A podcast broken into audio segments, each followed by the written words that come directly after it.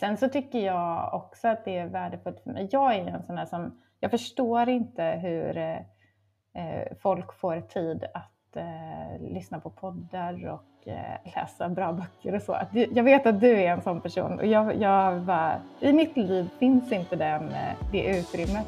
När jag väl har fritt, då måste jag få låta mina tankar flöda fritt eh, och reflektera över det som dyker upp.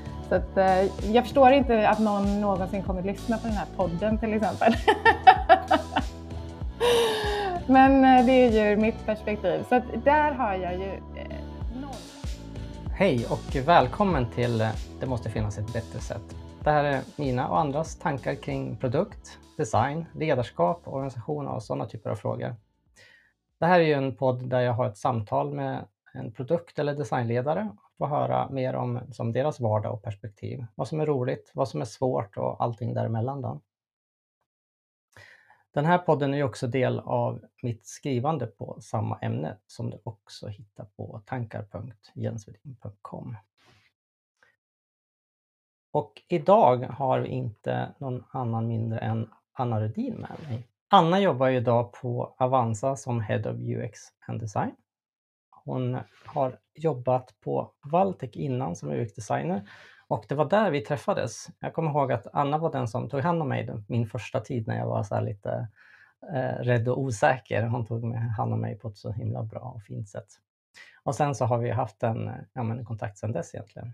Jag kollade lite grann nu när jag skulle se vad, vad Anna har gjort lite innan så har ju hon också jobbat på Scania Eh, inom ergonomi, eh, just vehicle ergonomist.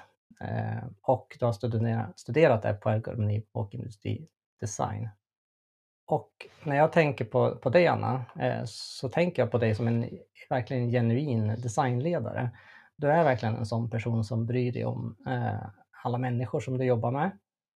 Eh, du har en väldigt som, varm och fin ton eh, i ditt ledarskap som jag gillar. Eh, så jag är otroligt tacksam för att få chansen att prata lite grann med dig idag. Kul! Kul att höra så fina ord om sig själv. Tack!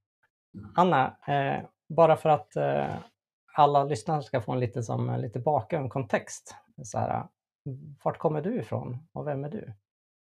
Ja, vem är jag? Nej, men du har ju berättat lite grann om vem jag är. Sen kanske det kommer lysa igenom att jag är från eh, västkusten, från Varberg. Eh, pluggade i Luleå eh, på en bana som jag tyckte verkade spännande. En eh, ja, industridesign och, och eh, några år av eh, ingenjörskonst också. Vet inte om jag har så stor nytta av det just nu i mitt dagliga arbete, men det har man gjort. Eh, och sen landade jag här i Stockholm. Eh, först då inom fordonsvärlden och sen gled jag över Eh, till webbutveckling och, och, den digitala världen. För fordonsbranschen upptäckte jag ganska snabbt att för det var alldeles för långsamt för mig. Jag satt och jobbade med saker som skulle ut tio år senare och det mm. funkade inte alls för mig. Jag behövde jobba med någonting där man ser resultatet mycket snabbare. Mm. mm. Ja, nej men och sen har jag, ju varit UX-are ja, under hela den här tiden. Jag har inte mm. alltid kallat eh, det, för det hette ju massa olika titlar från början. Men eh, ja, och sen så det var så jag började på Avanza också. Eh, mm. Då var jag UX-lead och sen så um, gick jag över till att leda UX-are och designers efter ett tag där. Mm. Och nu har jag väl jobbat med det i eh, ja, tre, fyra år. Mm ungefär. Just det. Hur tycker du det var att ta det steget från att jobba som en, som en designer till att bli någon typ av designledare, som lead eller som chef? Nej men jag tycker ju att det känns tryggt för mig att jag har den bakgrunden jag har. Eh, jag eh, förstår ju mina medarbetare väldigt väl och Eh, ser samma saker och de behöver inte förklara så mycket för mig. Liksom. Så för mig så tycker jag att det känns lättare att leda en designorganisation när jag själv har en bakgrund om det strået. Mm. Mm. Sen är det alltid min utmaning, tyckte jag, när jag blev tillfrågad om att, att bli chef för mina kollegor. Det tycker jag är väl den eh, största utmaningen, att helt plötsligt gå från att vara en del i gruppen eh, till att också sen ha det personalansvaret för, mm. eh, för dem. Det är jättebra, men ehm, mm. Det är alltid lite, en liten osäkerhetsfaktor att göra den resan på samma mm. företag. Ja, men precis. Det kände jag igen från när jag, på, när jag var på Valtech, eh, mm. när vi jobbade tillsammans. Då fick jag någon slags, jag brukar kalla för minichef-roll. Ja. en, en lead-roll tillsammans med Funda som var chef där. Eh, ja. Och det var också där att man så här, helt plötsligt var man inte riktigt så här, på samma nivå eh, med kollegorna. Och det var någon som sa, jag kommer ihåg nästan så här, bland de första dagarna, så här, nu kommer Jens, nu kan vi inte prata längre om de här, nu kan vi inte prata skit om cheferna längre. Just det. Så det, det var då jag tänkte, ja det är, det är, lite, det är någonting som händer här. Ja. Som man inte har tänkt på förut. Eller så. Jag tror, att jag, ja, jag tror att jag hade fördelen av att jag hade en lite annan roll redan innan än, än vad de andra hade. De andra jobbade i teamen och jag hade en lead-roll innan också. Så det var väl ett ganska naturligt steg, eh, både för mig och för andra, att jag fick den rollen. Eh, så det var inte en chock hos de andra mm. att jag helt plötsligt blev chef.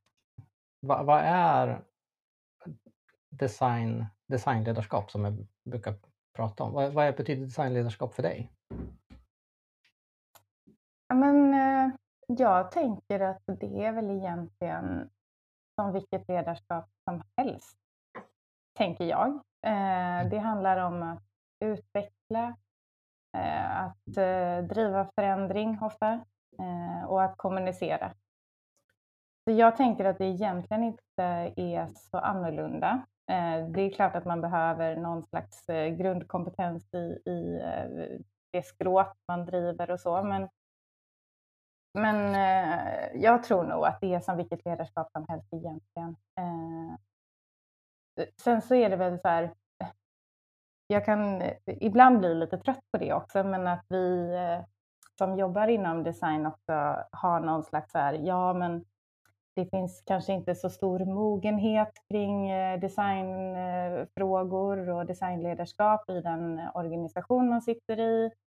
Ehm, så att man måste så här, missionera och kommunicera eh, ännu mer kanske. Men jag tror att det egentligen är det väl så för alla ledare. Um, men det är klart, det finns ju inte jättemånga eh, ledningsgrupper på företag som har en designkompetens i sig. Så det, det, ligger väl någonting i det, men jag tror att i grunden så handlar det om samma saker som för alltid. Man ska inte dra alla människor över en kant sådär, men att att det kan vara en skillnad i eh, lite hur man är som, som person när man är en designer. Därför, mm. det, var, det kommer jag ihåg när jag pratade på den tiden på, på Valtech att eh, vi hade ju one-on-ones med alla designers eh, och det var, det var mycket, som, mycket samtal, samtal och kommunikation eh, och stöttning. Och vi pratade med de andra konsultcheferna som satt där, som hade hand om utvecklare. Och de bara förstod inte riktigt det där, vad är det som ni pratar om egentligen? Att de, det var så här, för dem var det så här, man har en utvecklare, de åker ut på ett uppdrag. Eh, utvecklaren kommer in ja, kanske en gång per år och så har man ett, eller två samtal, du vet, de utvecklingssamtal och ett lönesamtal. Sen var det inte så mycket mer. Men vi hade ganska så här, varje vecka eller varannan vecka träffade vi och det var just det där att är det skillnad mellan eh, en eh, typisk designer och en, någon annan typ av skrå? Det har jag funderat på om det är det eller om det är... Ja, men jag vet inte, men det kanske är att man behöver ju kanske prata om olika saker i de där samtalen med, med designers och UX-are så um, upplever jag det att, eller hos oss i alla fall på Avanza så är det ju så att det krävs ju nästan någon form av ledarskap även hos ux i ett team. Vi sitter ju i tvärfunktionella team um, och vi är ju extremt kundfokuserade på Avanza och det har vi alltid varit och det är hela grejen med Avanza. Men vi har inte alltid haft ehm, ett eh, som, så här, vi har inte varit lika eh, bra på att jobba med produktutveckling och så. Vi, det är väldigt varierande eh, mellan olika team och så, hur mogen man är på att jobba med UX och design och vi har gjort en resa där. Um, men då krävs det också när man sitter som UX-are, kanske själv som UX-are i ett eh, sånt tvärfunktionellt team, mm. eh, då behöver man ju ofta vara lite designledare i teamet. Och då behöver ju jag som chef eh, coacha en ledare eh, till viss del.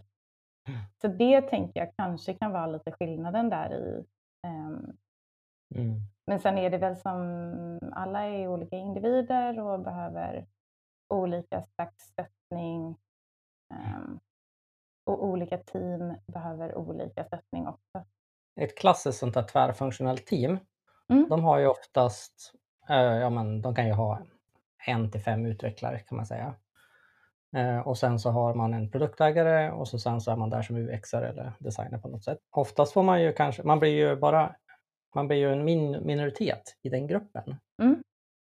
Om det kan ha någonting som, som påverkar, att man är den som får alltid slåss för designfrågorna och om man har diskussioner runt ett bord, om det sitter fem personer och tycker att vi ska som prioriterar det där framför det där, eh, så är det så svårt ibland att göra sig hörd för att man är, man är färre i mm. gruppen. Mm. Ja men absolut. Jag tycker att det det är ju så skillnad. Vi har ju några team där det sitter, ja men där produktägaren är eh, UX i grunden till exempel. Eh, och där man kanske är två eller tre eh, designer och UX-writer. I det teamet finns det ju en jättemycket större förståelse och, och mognad kring designprocessen och så såklart. Eh, för där är det ju mer 50-50 då, design versus utveckling. Eh, och det är lättare också att lära alla eh, när man är fler som lär ut eh, hur man integrerar liksom designprocessen med den agila processen, får ihop allt det där. Så att vi jobbar med produktutveckling på ett bra sätt. Mm. Men, men det är ju lite svårare i eh, de team där man sitter själv och det krävs ju väldigt där, seniora eh, UXare med ledarintresse eh, eh, för att få till det där mm. på ett bra sätt. Mm. Mm. Nu har ju du jobbat ett tag som, som eh, ledare och chef. Vad tycker mm. du, vad är, det som, vad är det som motiverar dig i det arbetet? Ja, men jag tycker att jag har världens roligaste jobb. Eh, och jag tror att det är för att jag eh, dels får utveckla människor, eh, få dem att, att växa och försöka hitta liksom, nästa steg eller nästa, ja, driva på liksom, så att de är nöjda och har roligt på jobbet och eh, får den utveckling de känner att de behöver och så. Så det tycker jag är jättekul att få vara med och försöka utveckla människor och, och, det är ju hur spännande som helst och det kan man ju verkligen lära sig så mycket om och bli så mycket bättre på att göra det hela tiden. Um, det är ju jättekul, men jag tror också att jag behöver ju det andra också som jag har i mitt jobb och det är ju att driva förändring i organisationen och eh, försöka se till så att vi gör rätt grejer eh, och att vi driver i rätt riktning med liksom, hela bolaget. Och, eh, ja, att mm. Jag, jag, behöver en del av det också, tror jag. Så den här mixen är ju jättebra för mig, mm. tycker jag. Att driva lite större grejer men också samtidigt utveckla medarbetare. Mm. det är det jag tycker är lite häftigt med de som har jobbat som designer och blir chef eller så här, jobbar med förändring, förändringsresor och Mm. ja, vad man nu kallar det för. Och eh, att, eh, att man kan använda sitt designtänk eller sin, nästan sin designmetodik i Mm. och det är det jag tycker finns en styrka i det här med designledarskap, att man, så här, ja, men man funderar över vem som ska använda den här förändringen. Precis som man bygger en stol, eller designar en Mm. stol, Mm. så funderar man ju vart ska den stå och vem ska använda den och vilka behov finns där. Samma sak när man kommer till att designa en organisation eller en förändring. Att, jaha, vem ska använda den här förändringen? Vilka blir påverkade?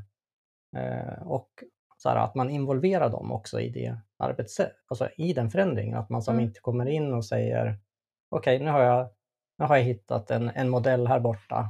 Nu, nu ska vi bara trycka in den här i, i, i vår organisation. Utan att prata ens med vad är det för problem vi ska lösa Nej, vad finns det för behov, utan faktiskt... ehm, så, så det är det jag till många gånger ser som en styrka hos många designledare. Som, Mm. de, de kommer in med det perspektivet.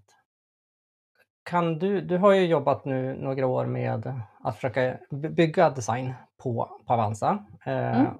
Och hur, hur, vad, hur har det gått? Och har du några bra, har du några bra lärdomar, insikter, tips kring det där? Som, Ja, nej jag tänker att det är lite det du sa nu, att använda Eh, sina designmetoder i alla lager och, och skikt och, och så.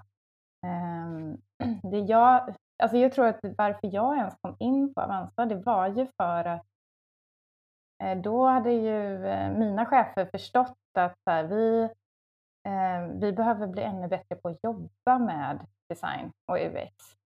Vi behöver ha några som kan lära oss det, för vi kan inte det. Eh, och det var därför som jag och några till kom in. Eh, så det har ju varit, vi har ju haft ett så här, tydligt eh, uppdrag ändå, tycker jag, hela tiden. Att så här, vi har varit behövda och vi har också fått utrymme för att försöka driva igenom den här förändringen. Ehm, men det är ju, eh, det tar ju tid. Eh, det är väl en sak som jag har reflekterat över att ehm, jag, eh, jag är ganska effektiv och gillar ehm, när det går snabbt. Eh, jag har inte alltid eh, tålamod till förändring. Jag har jättemycket mer tålamod med, i mitt personalansvar, alltså med mina medarbetare. Det kan jag ha faktiskt ganska vi får se vad de säger, men jag tycker att jag har mycket bättre tålamod med, i sån förändring. Ehm, Eh, men mina chefskollegor skulle inte beskriva mig som en person med tålamod, tror jag. Eh, jag har mycket liksom, eh, mindre tålamod med att driva Mm. på förändring i, i ehm, eh, chefs, ledarskapsdelen, mina chefskollegor och mm. ledning och så. Men det är ju samma metoder som man använder. Jag har liksom eh, tjatat om att eh, vi ska prata om effekter och, och att vi ska prata om vad vi lär oss eh, och det som vi designledare brukar prata om. Och, Mm. och nu gör vi det ganska mycket, eh, även vi chefer. Och, och eh, jag blir ju glad när vi ledare ses och de föreslår att vi borde ju eh, prata om vilka effekter vi ska uppnå med den här förändringen. För eh, eh, annars vet vi inte varför vi ska göra det. Och då sitter jag där och myser. För att Ja. eh, då har det hänt någonting. Mm. Ehm, nej men jag, jag tycker att så här, allting förändras ju hela tiden. Man blir inte klar heller. Eh, vi har ju kommit jättelångt eh, sedan jag började för eh, sex år sedan. Är det väl snart. Det har ju hänt extremt mycket på den tiden. Men vi har ju lika mycket kvar att förändra. Vi kommer ju aldrig bli klara för vi växer ju ganska mycket. Och då uppstår det ju helt nya utmaningar. Man behöver jobba på helt andra sätt och organisationen blir större och det är svårare att hålla ihop helheten. Och, det där är ju en, det, det är därför det är så roligt också, för att jaha, det receptet funkar inte längre. Nej, Mm. då får vi hitta på något nytt. Eh, Mm. Hur gör andra? Eh, de som har gått från det här lite mindre till det här stora, vad, hur ska man organisera sig då? Och hur ska vi leda när vi inte kan Mm. hålla ihop allting längre? Mm. Eh, och det, där är vi nu och det är ju vårt huvudbry nu att jaha, men nu är vi snart jättemånga team. Eh, hur ska Mm. vi hålla ihop det här? Mm, precis. Och, eh, det är ju, jag har ju jobbat med er som Mm. som konsult eh, och jag slås över... Eh, jag, jag förstår ju att det är många som tittar på er som, eh, som förebilder. Eh, för ni, ni, ni har ju lyckats på många sätt. Eh, och eh, det är, det undrar, ja, en sak som jag tycker är så häftigt där, det är ju det här med de som tvärfunktionella teamen, de är ju väldigt självständiga och, Mm. eh, som, och driftiga och det finns jättemycket motivation och som driv i det där.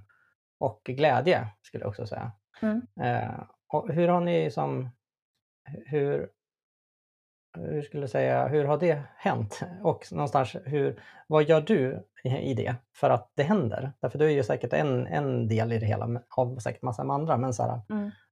hur, hur, kan, hur kan det där hända? Nej, men att det kan hända, det är ju att vi har eh, en ledning som tror på det här sättet. Det tror jag ändå är det mest unika med Avanza. Det är att vår VD och vår ledningsgrupp, de har fattat att det är inte vi som är bäst på, på det här, utan det är ju de som vi har anställt eh, i de här teamen som ska vara bäst på sina olika områden. Och vi behöver ge dem frihet att, att forma det och prioritera vad som är viktigast inom respektive område. Så det blir som små företag i, i företaget på riktigt.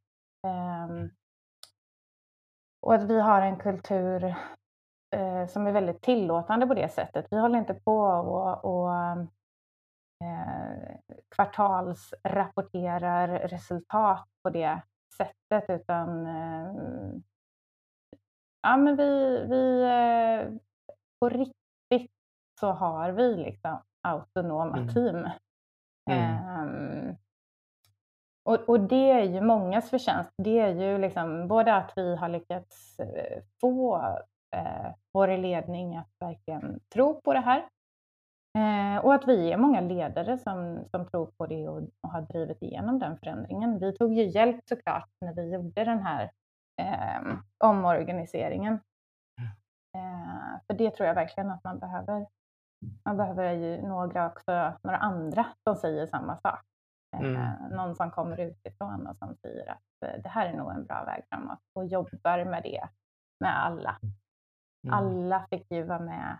Eh, alla som ville på Avans fick vara med i de här eh, förändringsworkshopparna och så. Vi bjöd in alla som var intresserade. Så det fanns inga, inga gränser Mm. för det och vi gjorde det på ett bra sätt, tror jag. Mm. Ehm, Det låter ju också som ett så här typiskt, som jag kom på där, va? att man är man, eh, man involverar de som ska vara del av förändringen, så- som Ja. måste så le- leva i förändringen sen. ja, Och det skapar motivation, Ja. eh, både innan och efter. men eh, sen tror jag också att vi rekryterar sådana typer av människor som gillar att vara i sådana här miljöer. Mm. Där man, man tvingas ju också ta mycket ansvar då när man sitter i team på det här sättet. Eh, och då ska man, man ska gilla det. Mm. Ehm, och, och det kanske är ehm, viktigt att man gillar att jobba i team och att det är teamens eh, effort som är det viktiga och att man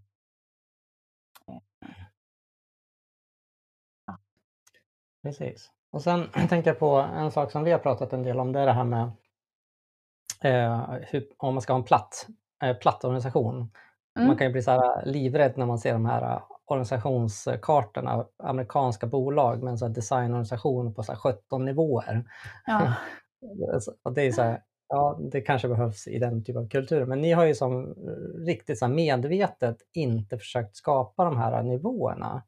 Nej. Kan du inte berätta lite grann som tanken kring det eller som, som eh, Mm. vad, vad ni är ute efter? Men, men du tänker på um, mitt designgäng framför allt eller? Ja, mm, Ja. precis. Nej, men vi har ju inte så mycket titlar. Jag tänker att det är det du är ute efter Mm. att snacka om. Men, eh, ehm, nej, men jag tror att det hänger ihop lite med den här organisationen och sättet vi jobbar på. Eftersom vi har eh, Eh, lagt allt ansvar på respektive team i att driva den affären och den eh, kundresan och så. Då, mm, då har vi ju UX och designers i, i alla team. Eh, och sen så har vi mig och Emelie, min kollega, som, som leder både liksom de här personerna men också våra skrån. Så att vi träffas ju också och jobbar väldigt mycket tillsammans, alla UX och designers och UX-writers. Ehm, men vi har ju inga lead-personer. Vi har, vi har de här tre titlarna, alltså UX, eh, designer och UX-writer. Eh, sen så betyder inte det att vi bara har sådana personer, utan vi har personer som rör sig mellan alla de här eh, kompetenserna. Vi har vissa personer som kanske är smalare än en kompetens, men det spelar inte så stor roll. Man har någon, någon titel och det, det spelar inte jättestor roll hos oss. Vill jag, vill jag hoppas, alltså jag är ju hela, ständigt sökande i den här frågan, men men vi har ju inte haft några lead-roller till exempel som leder någonting eh, utanför team eh, bara. Eh, utan jag har ju en filosofi om att eh, jag vill forma människor snarare än eh, skapa titlar och att jag hoppas att det räcker att låta eh, mina medarbetare göra olika saker som passar dem. Eh, för vissa av- av vår, mina personer, de är ju kanske de kanske tar en lite smalare del av, av UX-rollen men gör det i två eller tre team. De kanske är bäst på att driva processförändring och, och göra mm, research eller eh, Mm. eh, ja, vara en så här, lite nästan så UX-coach kan man väl kanske kalla det. Eh, då kanske de gör det bäst i, eh, i tre team istället. Och så har de en annan som gör mer själva liksom, interaktionsdesign och, och sånt jobb i det teamet. De heter ju fortfarande UX, de här personerna. Mm. För att jag tror också på att om vi skapar sådana där leadroller, då måste det vara väldigt tydligt vad det ansvaret är. Så att det inte blir en eh, badge of honor, liksom, att, Mm. eh, som inte betyder någonting. Eller som, som snarare blir otydlig då. Att, jaha, men eh, vad ska jag göra då? För att allting händer ju i teamen. Det är där Mm. man eh, får saker att hända. Mm. Ehm, Men, men jag är så här nyfiket sökande kring den här frågan hela tiden. Eh, Vi har ju Mm. väldigt seniora personer hos oss som vill utvecklas och, och det är lätt att man säger bara, ah, okej, men då kanske den personen borde bli någon slags lead. Och så har man svårt att komma på vad den där lead-rollen borde Mm. innebära. Mm. Ehm, men vem vet, om ett halvår kanske jag sitter här och har en lead-person Ja, precis. Ja, i den här ständiga transformationen. Ja. Eh, Men jag är bara mån om att jag tror inte så mycket på titlar, det är väl det. Det kanske är Mm. mest jag som är ganska ointresserad av titlar. Eh, Mm. Who knows? Vi har ju inte det generellt sett heller på Avanza, utan det är ju liksom så. Det finns, eh, det finns lite chefer och sen så Mm. finns det personer i team. Eh, och that's it. Mm. Precis. Nej, Vi jag har ju det- inte ens typ organisationsscheman på Avanza tror jag. Nej, precis. Nej, men jag tycker det är, det är någonting, någonting fint i det att man tittar mer utifrån människan och vilken förmåga den, den människan har. Ja. Eh, därför det, är ju, det har jag också, jag kämpar också med det här med titlar Vi gjorde ett jobb där på, på Handelsbanken kring det där. Mm. Där, där vi började jobba med titlar för att det, det fanns en osäkerhet och för, kopplat till förväntningar och sådana där saker. Och då, då försökte vi reda ut det där. med att vi som, då sa, först var vi inne på det här spåret, okej okay, då, då, då, har vi massor med olika titlar. Vi har någon som är animation, med, du vet, och någon som jobbar mm. med content och någon med training och någon med research och sådär. Och sen märkte vi att det blev ju ohållbart. Mm. Och då tänkte jag så här, men vi, vi kallar alla för designers. Mm. och sen så, och det vill, vi vill inte låsa in dem utan det skulle vara en som en plattform som man står på. Mm. Så vi ritade på det sättet att vi gjorde en ruta och där skrev vi designer och så satte vi en gubbe på den lådan. För det är så lätt att man stoppar in gubben i lådan.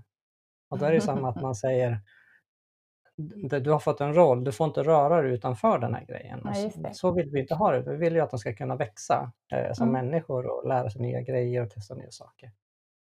Och sen så kunde man så här, den hade man massor med eh, som eh, andra områden eller som, som man var intresserad av eller och var, var mycket som man var bra på, man ville liksom utvecklas. Och det kunde vara animation då, exempelvis eller innehåll. Eh, och då behövde vi som inte beskriva det på det sättet. Eh, och det, gjorde, det som var bra där, då blev att först vi började med ux och sen gjorde vi det för service designers Eh, därför de såg att ja, men vi är ju också med på det här. Och sen blev det också mm. de som jobbade med copy, precis som mm. era UX-writers. Och sen blev det de visuella designers. Så att vi, vi såg att vi, vi hade en gemensam bas vad det innebär att som både ansvar och mandat och kompetenser och sådana saker som finns i designrollen. Som, de är väldigt likt. För det är ju som vi kan prata om att en UX-designer och en UX-writer, de gör mm. ju egentligen sam, samma sak fast det, outputen blir lite olika. Det blir innehåll mm. eller så blir det en wireframe eller en research. Eller så, så, så det tycker jag funkade ganska bra på Handelsbanken där och då. Därför då, då var det en, en våg av väldigt så här, frustration av att man förstod inte vilka förväntningar som var på en. Nej, just det. Nej, och det, det tänker jag är utmaningen. Vi brukar ju prata om att eh, här, det finns massa innehåll i de där titlarna. Det finns en mm. bredd i, i rollerna och man får röra sig lite hur man vill och att vi behöver ju matcha olika personer i, i teamen då så att vi täcker upp den kompetens som vi ser behövs i teamet. Mm. Um, men ibland så räcker det med en person och i vissa team så har vi tre personer och det beror lite på hur stort liksom, område man har också och vad det är för karaktär på det, det området. Men det är också väldigt, vi jobbar ju väldigt mycket på att eh, lära oss av varandra också. Så att jag, jag håller ju hårt i den här, vi är 25 pers nu med både UX, designers och writers. Men, och det är ju en stor grupp hålla ihop. Men jag kämpar ju ändå för att göra det, för jag ser så stor vinning i att vi lär oss av varandra. Det sitter ju några personer drivs av att bygga varumärke, några personer drivs av att göra research, några drivs av att forma tonalitet och skriva och så. Och om vi pratar med varandra, då kommer alla bli lite bättre på att få med de perspektiven in i sina team. Och vi har ju, vi har ju också personer, eh, jag skulle vilja säga att alla är ganska breda i sin kompetens hos oss för att vi har snackat med varandra på det här sättet hela tiden. Och det blir ju superbra, för det blir väldigt stora team om vi ska ha tre personer från, mm. ja, från mitt gäng i alla team. Det är ju det är inte hållbart. Uh, så att, um, ja, men, men det är spännande att se så här, nu när vi växer, så här, hur länge kan man hålla ihop det på det här sättet och hur, hur ska man skära det sen? För vi tycker att det är en styrka att ha de här olika kompetenserna samlade. Mm. Så att de lär sig av varandra. Så det tror jag att vi kommer att hålla i ändå ganska, mm. ganska långt framöver. Precis, och jag tror man kan komma åt det där, inte med så formella titlar och lite, man kan, det är lite grann som med sånt här skrånätverk som är mer in, mm. informellt eh, mm. Kunskapsutbyte och där kan man, göra, man kan arbeta med vissa frågor, designsystem eller mm. alignmentfrågor om man säger så. Som inte är formellt men bara genom att den funktionen finns så löser man många knutar. Mm. Som, som så man, precis, man behöver inte alltid hoppa in i det här organisationsschemat och titlarna. Nej, och så. ja, men jag drar mig lite för det. Ja. Ehm, en sak som, jag jobbar med ett annat bolag, ett produktbolag nu, som också är lite så här äh, i de här äh, frågorna kring att vi har massor med designers som sitter jobbar operativt i teamen. Eh, Men man märker att det, det saknas en, en, och då är det så produktteam, så finns det massor med produkter Mm. eh, och de är också så här snabbfotade och får ut saker väldigt som snabbt. eh, Men det, ska, det, det är svårt att skapa alignment mellan produkterna. Mm. Att så här, ja men ska jag använda den här appen, ja men då är det det här inloggningsförfarandet. Det, det kanske en, och det ser ut på ett visst sätt och sen nästa app, då är det någonting annat. Det har ju skapat en, en väldig fart och de har ju fått ut mycket men nu har ju de växt och nu börjar de som känna hur, ska vi, hur kan vi få en sams... Hur, ja, men hur ska den här upplevelsen fungera över kanaler och över produkter? Är det no, hur, hur har ni hanterat det där? Jag ser det. Mm. Ja, men jag tänker att det är många olika delar som gör... Vi, för det tycker jag är ett av mina viktigaste eh, ja, uppdrag. Att få ihop det där. Inte bara jag såklart, vi är flera stycken som behöver jobba med det. Eh, men vi, vi har lite olika sätt att göra det. Jag tror att ett, ett sätt som vi får ihop helhetsupplevelsen på, det är ju att vi faktiskt sitter tillsammans varje vecka och jobbar, vi UX designers och writers och så tittar på allting som är på gång i alla de här teamen och, och synkar det. Eh, för det, det är jätteofta i de, på de tisdagarna när vi sitter tillsammans eh, som så här, jaha, okej, men vänta lite, vi hade också en sån där grej som vi funderade på. Men då kan vi snacka lite efteråt och så får vi ihop det där. Eh, för att oftast är det flera stycken team som eh, behöver samarbeta kring någonting som ligger i, i ett av de teamen eh, för att få ihop den där helheten. Eh, det kanske är så här, alla team som jobbar med aktier och, och eh, fonder som säger, ja, men vi, vi behöver ju få det här att se lite ut. Eller så kan det vara eh, de som jobbar med onboarding som ska lotsa våra användare ut till olika produkter. Så ja, men vi behöver sätta oss och, och få ihop så att det blir, eh, Mm. blir en- bra resa här emellan våra tjänster.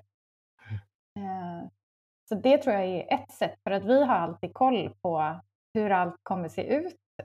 och eh, eh, vi bygger ju liksom vårt designsystem på de, eh, delvis de sittningarna när vi, när vi visar varandra olika grejer. Eh, då, då, då tar vi, oftast är det ju så här, men hur ska det här eh, funka? Nu har vi tre olika sätt här. Ja, men eh, ska vi välja ett då? Det kanske är läge att göra det. Och så har vi något sånt designbeslut rent konkret. Där. Så det är både sådana små, små grejer, eh, Mm. visuella saker, interaktionsmönster och så. Men sen är det också mycket större frågor ehm, såklart som har med, med så här, eh, beteenden och, och Mm. större resor. Ja. Men sen, sen jobbar vi också med gemensamma KPI och, och effekter som vi ska uppnå, eh, som är liksom gemensamma för teamen eh, och som alla mer eller mindre bidrar till. Eh, det är ju lite fluffigt det där, eh, men jag tror att det är väldigt värdefullt att prata om de sakerna. Eh, så att alla team får ehm, en men gemensam bild. Vi hade ett tag för typ ett och ett halvt, eller ett, ja men drygt ett år sedan kanske, som vi kände att nu sitter vi och gör, optimerar olika vyer i appen.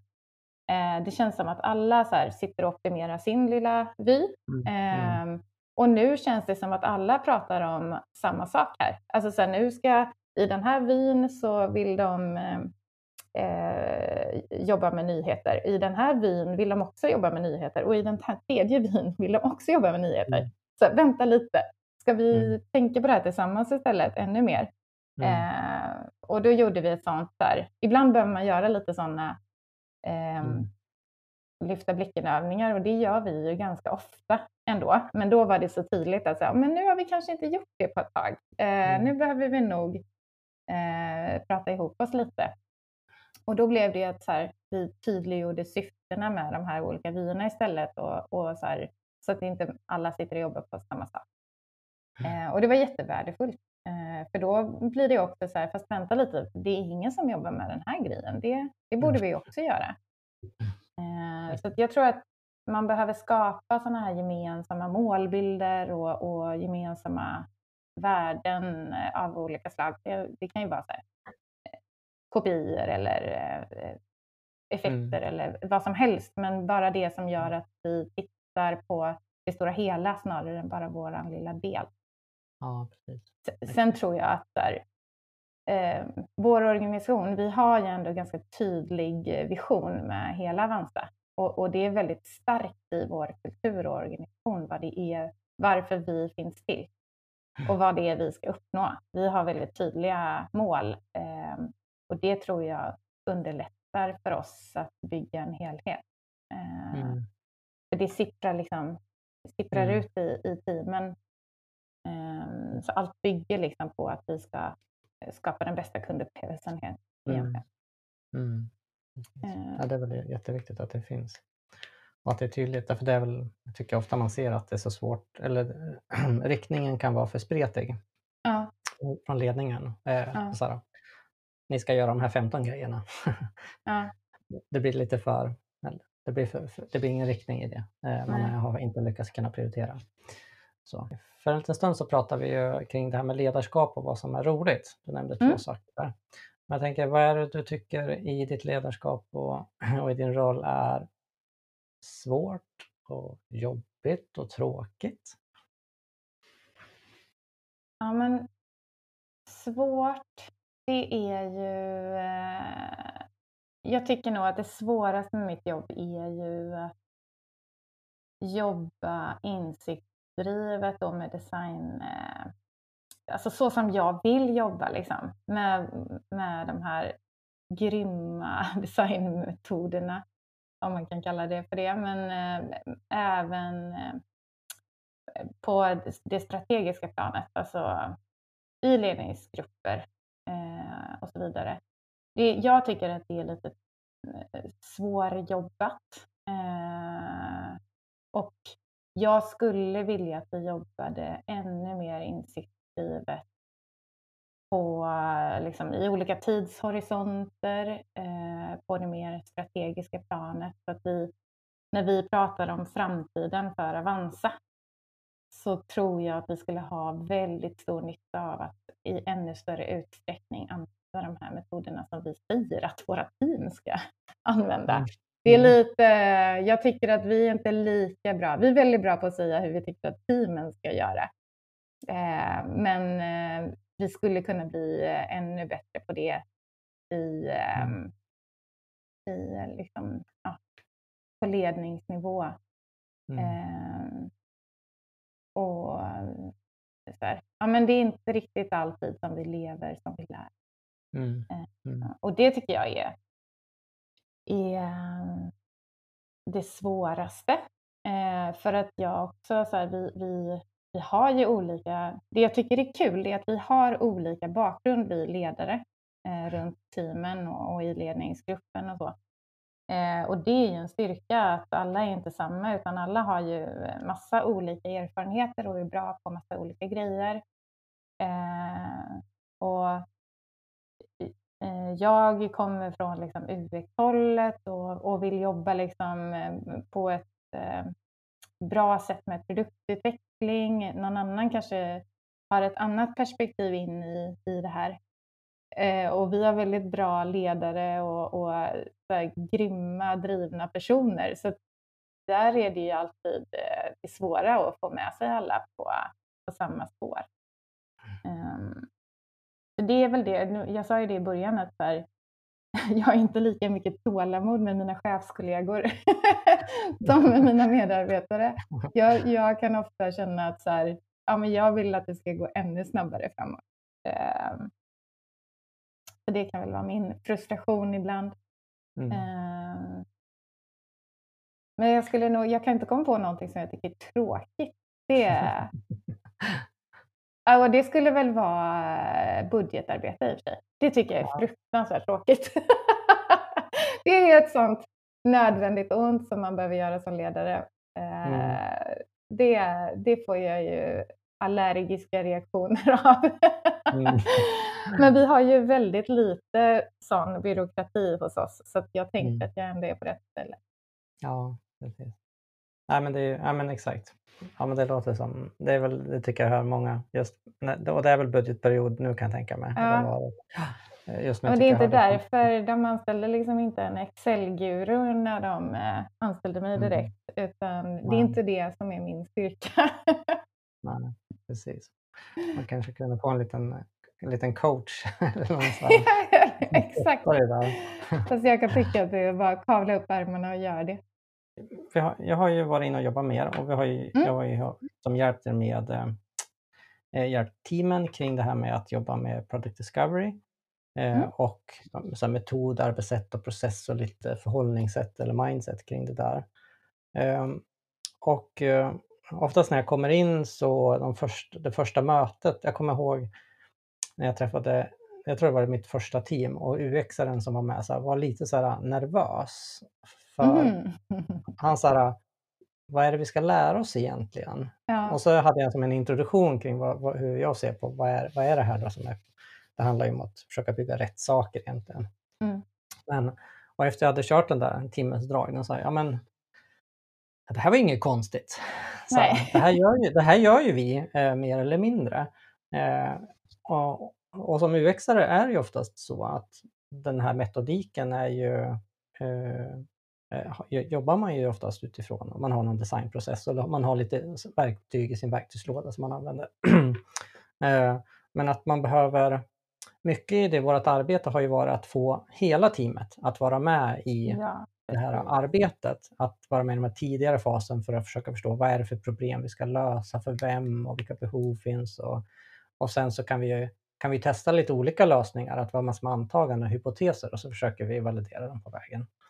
Och det har ju varit så kul när man har haft med oss produktägarna och utvecklarna och, och analytiker och andra sådär, att de också har fått nya verktyg i verktygslådan. Mm.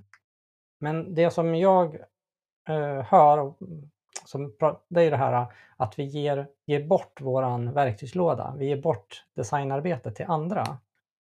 Eh, och vissa pratar om att, att det är fel väg att gå. Att så här, vi, vi försökte lära vår organisation att jobba kundcentrerat. Eh, men problemet blev att alla sprang runt och gjorde kundintervjuer lite så här ad hoc. Eh, och kvaliteten var ganska låg och även mm. effektiviteten. Och då så, då har de som testat det och så har de dragit tillbaka det där och sagt att vi har designers och researchers som kan sitt hantverk och sen eh, försöker vi få, få med oss organisationen på ett bra sätt. Eh, att de förstår vad vi gör och varför vi gör de här grejerna. Har, har du några tankar kring det där, hur man ska som hantera? Nej, men jag, eh, jag är inte så rädd för att ge bort någonting. Däremot har vi haft, det, det svänger ju alltid, det är en pendel i det här. Eh, och ehm, eh, eh, vi har också haft i några team att, att pendeln låg åt att alla ska vara med på allt hela tiden. Mm. Och det är inte effektivt och det är inte eh, särskilt eh, bra heller, utan så här, snarare så, så här, men alla ska vara med så pass mycket så att man eh, är delaktig och förstår, men sen har vi våra olika kompetenser så att det är mycket mer effektivt eh, och ger mycket bättre resultat om, om mm. Eh, de som har kompetensen gör det som mm. krävs. Alltså, så vi måste vara lite effektiva, eh, men vi mm. behöver skapa samsyn kring eh, vad vi ska göra och sen så mm. måste vi ha respekt för att ehm, eh, ja, folk är bra på olika saker. Mm. Eh, så men jag är inte så rädd för att... Jag, till exempel så tycker jag att det är väl jättebra om alla är med och gör research om det är någon som vill det. Men mm. oftast så blir det ju att, ja fast eh, det kanske är de här personerna som, som gör det för att det blir bäst då. Mm. Eh, och, och äh, nej men vi, vi har väl svängt eh, lite hit och dit i den frågan också i olika team eh, över mm. tiden. Men eh, jag tror att, eh, som du sa från, från början där med att du kom in hos oss, det var ju för att vi också eh, såg det här med att ibland så är man lite ensam i att driva igenom det. Vi kommer så här, ja men på Avanza är det väl så här, om man verkligen generaliserar så kommer vi från två olika världar från början. Vi har dels liksom organisationen som alltid har jobbat på ett sätt med de här olika metoderna och så. Och sen så har vi en eh, teknikorganisation som har jobbat liksom, eh, i team som kanske har varit bara backendare. Eh, och så mixar vi de här. eh, och då uppstår det en massa eh, bra, nya, härliga grejer. Eh, men det är också en, en liten så här, eh, krock i det här nya då, att så här, jaha, nu ska vi lära oss att jobba tillsammans med våra olika, så här, vi har dels det här liksom agila, som alltid har eh, fokuserat på att få ut grejer. Eh, man har en backlog som kanske har varit ganska så här, vi ska göra det här och så gör vi det och så vill vi att det ska gå så snabbt som möjligt och så effektivt som möjligt. Och så har man massa ceremonier, eh, agila ceremonier. Sen har vi det här UX-jobbet som också alltid har hänt i vår värld. Eh, och så ska man förena de här två, två världarna. Och där upplever jag att det, det, det finns lite olika roller i det här också. Det finns Scrum Masters kanske och sen så finns det UX-rollen som är ganska fluffig och otydlig och som bara har, bara har liksom gjort det här utan så mycket kanske titel och, och mandat och, och så. Och så ska man förena de här och där kan det ibland bli lite eh, krock eller bara så här lite otydligt. Och då mm. är det superbra att ta in en Jens som kan få ihop det här och hjälpa de här personerna i teamen som, eh, som försöker göra det här. Det är alltid så bra att ta in någon mm. utifrån tycker jag, för att det ger också lite så här eh, cred till, ja men oj, vad säger Jens här? Åh, nu har vi mm. fått någon som kommer utifrån och som har en ryggsäck med massa metoder som vi mm. kan använda oss av. Och det som UXarna då bara, ja nej men det var egentligen inte något nytt. Eh, ja men det kanske var så här, det här med att skriva hypoteser på det här sättet, det kanske är, det är nog bra, det tar jag med mig. Men, men egentligen är det ju bara att någon kommer och säger samma sak och också så här, lyssna på alla och får ihop det här. Mm. Eh, det är det som är den stora, eh, det stora mm. värdet. Ehm, Precis. Det kan vara ja, lite är... ensamt från alla de här olika hållen och alla mm. olika perspektiven. Ja. Uh... Och det är ju verkligen mycket det, det som är, det jag märker i, alltid när jag är ute och hjälper team, att, att få, få människor att jobba tillsammans är ju inte det lättaste. För man, har ju, man är olika typer av människor, man prioriterar olika saker som man tycker är viktigt. Så här, vissa tycker kund är viktigt och andra tycker teknik och så har vi någon mm. som tycker att affär är viktigt. Och så. Det där är ju svårt. Man, mm. man, man, man säger, det är ju eh, det, det, är mycket så gnagande på varandra i början, så här, eller slipa stenarna mot varandra. Mm. Men sen blir det ju superbra mm. eh, när, när, man, när team har jobbat ihop ett, ett tag, när man känner varandra och litar på varandra. Ja. Eh, och ser, har respekt för varandras kompetens. Det är då det blir fantastiska grejer. Oftast. Mm. En sista fråga. Har du så här, vad, vad, har något så här konkret tips som du skulle kunna ge till en, en, en någon som har jobbat eh, in i som designer mm. och som vill ta nästa steg som lead eller som chef? Mm. Vad skulle du ge för konkret tips till, till den personen? Oj. Nej, vad skulle jag ge för tips? Eh, ja, men om, om man vill bli eh, ledare så tycker jag att eh, man ska fundera på hur väl man känner sig själv. alltså, inte att man... Eh, alltså, jag tänker att man blir aldrig fullärd kring ledarskap och att förstå sig själv. Eh, och det tänker jag finns ju supermycket bra kurser och andra sätt att eh, lära sig om den ja, om sig själv och andra och hur det funkar. Eh, så.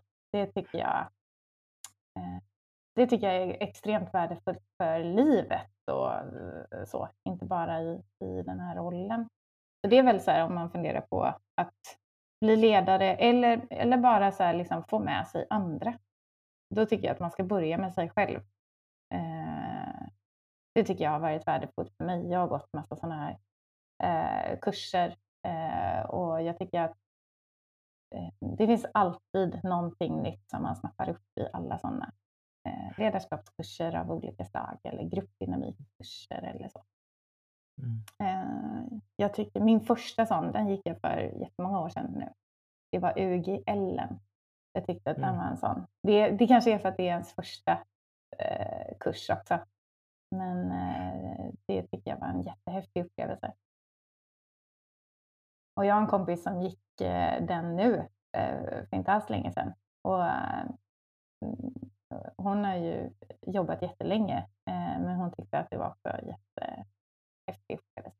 Den är väldigt mm. upplevelsebaserad den kursen. Så det är väl en sak som bara så generellt att uh, få till och, och gå sådana uh, kurser. Mm. Sen så tycker jag också att det är värdefullt. Jag är en sån där som, jag förstår inte hur eh, folk får tid att eh, lyssna på poddar och eh, läsa bra böcker och så. Jag vet att du är en sån person och jag, jag bara, i mitt liv finns inte den, eh, det utrymmet. När jag väl har fritt då måste jag få låta mina tankar flöda fritt eh, och reflektera över det som dyker upp. Så att, eh, jag förstår inte att någon någonsin kommer att lyssna på den här podden till exempel. Men eh, det är ju mitt perspektiv. Så att där mm. har jag ju noll tips på mm. böcker och, och, poddar och så. Det får man fråga mm. Jens om. Men däremot så det jag uppskattar eh, och som mer i min form, det är väl sådana här eh, samtal med andra. Att ha någon eller flera stycken att eh, bolla med. Utanför ditt företag också är ännu mer spännande. Där man, ja, men mm. du och jag pratar ju lite, alltså inte så ofta, men det är alltid någonting kul som vi reflekterar över tillsammans. Eller bara mm. delar erfarenheter. Mm. Eh, och jag gör det med lite andra människor som är på olika andra ställen också för att det är så kul att höra hur det funkar på andra företag och hur har de löst den här utmaningen. Det kanske är eh, någon som redan har gjort en förändringsresa som man själv kanske står inför. Eller så. Det finns alltid en massa roliga saker att snappa upp och lära sig av. Det tycker jag är extremt värdefullt, att eh, ha lite, ett nätverk av personer som man kan eh, prata med när man mm. behöver bolla någonting. Och också för att ventilera lite. Det kan vara lite skönt mm. att någon, man har någon att uh, slänga ur sig sin frustration eller sina tankar på. Ja. Superbra mm. tips. Jättebra grejer. Om vi skulle ta avrunda, eh, vad, vad tar du med dig från det här samtalet? Nej, men jag eh, tycker alltid att det är kul att det blir lite självreflektion också när man eh, ställs inför sådana här frågor. Eh, och det tycker jag alltid är nyttigt att fundera över och så. Jag vet inte exakt hur kärnfullt det här blev. det är väl min så fundering kring att Eh, det är som att man skulle kunna prata en timme om varje ämne för att mm. verkligen hinna gräva lite mm. och tänka till kring det. Mm. Eh, men att det är värdefullt att lyfta på eh, eh de här ämnena lite titt som tätt. Och jag tar med mig jag tar nog med mig det här med alltså alltid börja med att ja, men, så här, det, det är människor man har att jobba med. Eh, och, och, att man som måste förstå, man måste förstå någon. Eller, och eh, om man förstår dem så är det så mycket enklare att kommunicera och om vi ska nu jobba med någon typ av förändring, att man kan få med sig den här personen eller att den personen själv inser att det här borde vi göra så jag, jag kanske inte ens behöver göra någonting. Mm. Eh, och, men det där är ju precis som du säger, att det är ju inte det lättaste. Eh, det är oftast någonting som tar tid. Eh, Mm. oftast man, man kan inte komma in i ett rum och säga nu ska vi göra det här. Och så säger de ja, det ska vi göra och så gör man det. Utan oftast är det ju sånt där, inte tjatande, men det är så här, man, man, ibland så kan man ju prata om en grej så här om och om och om, och om igen. Och sen bara ramlar polletten ner på något sätt, nå- någonstans där under vägen och så händer det. Eh, och så vet man inte riktigt, så här, var det för att jag sa det här nu? Nej, förmodligen inte, utan det är ju någonting som har hänt innan. Det är ju som en, en process hos alla. Ja. Och det, jag försöker oftast prata, eller jag brukar oftast vara en sån person som, om jag skissar upp någonting ganska snabbt och så visar jag det för mina kunder eller de jag jobbar med. Oftast är det ju ganska obegripligt och, och så fult och svårt att förstå. Så här, men bara för så här, och så börjar man prata kring det där. Därför då försöker jag bara, eh, det är ju ett sätt att involvera den andra personen. Då kommer de säga, nej men det där är ju fel, eller Mm. det där är rätt, eller så där tycker jag. Och så startar dialogen och så skapar man någonting tillsammans. Och när man har skapat någonting tillsammans så är det ju som, då har man ju redan vunnit någon. Då är de som, har de investerat i det och känner att det är deras egna. Ja. Och då är det mycket enklare att ta det vidare. Ja men det är ju häftigt det där. Nu, nu blir det inte ett avslut här kanske. Nu spinner jag vidare. men jag, jag associerar så himla mycket till min situation nu där jag så här, ja, jag tänker att jag i flera år har försökt att, att liksom måla upp bilden av en produktutvecklingsprocess ja, process eller vad man säger. Så just det där som jag sa, att man får ihop det agila eh, med det som UX-arna eh, oftast har gjort. Och vi pratar ju discovery, delivery och det finns massa eh, fina ord eh, som är liksom moderna just nu och så. Så försöker man få ihop allt det där. Och jag tycker att det har varit så svårt att jag, jag får inte liksom, jag märker att här, jag är inte hemma. Det är, jag har inte landat det här i min organisation. Och sen helt plötsligt så visar jag en ny bild. Eh, och då bara, jaha, nu hände det någonting här. Var det den här bilden eller var det bara att jag har pratat om det på fyra, fem, sex olika sätt? Och nu eh, så har jag tjatat så mycket så att, att eh, nu eh, förstår vi varandra. Eh, och det är så roligt eh, när man bara helt plötsligt där, jaha, undrar vad det var. Var det den där bilden? Eller var det Mm. tiden? Eh, eller var det tajmingen? Eller var det någon annan som har sagt någonting eh, där jag inte ens var med? Mm, Eh, och det, det är ju ehm, ja, men det är, är så härligt när man får de där att okej, men nu, nu har vi tagit ett litet kliv här. Mm, precis. Ja. Ja, men bra Anna. Tack så himla mycket för att jag har fått prata med dig den här, den här stunden. Här. Det är ungefär en timme. Eh, jag har fått jättemycket bra inspiration och energi för att få snacka med dig. Eh, så eh, tack så mycket och hej då. Tack så mycket. Hej hej!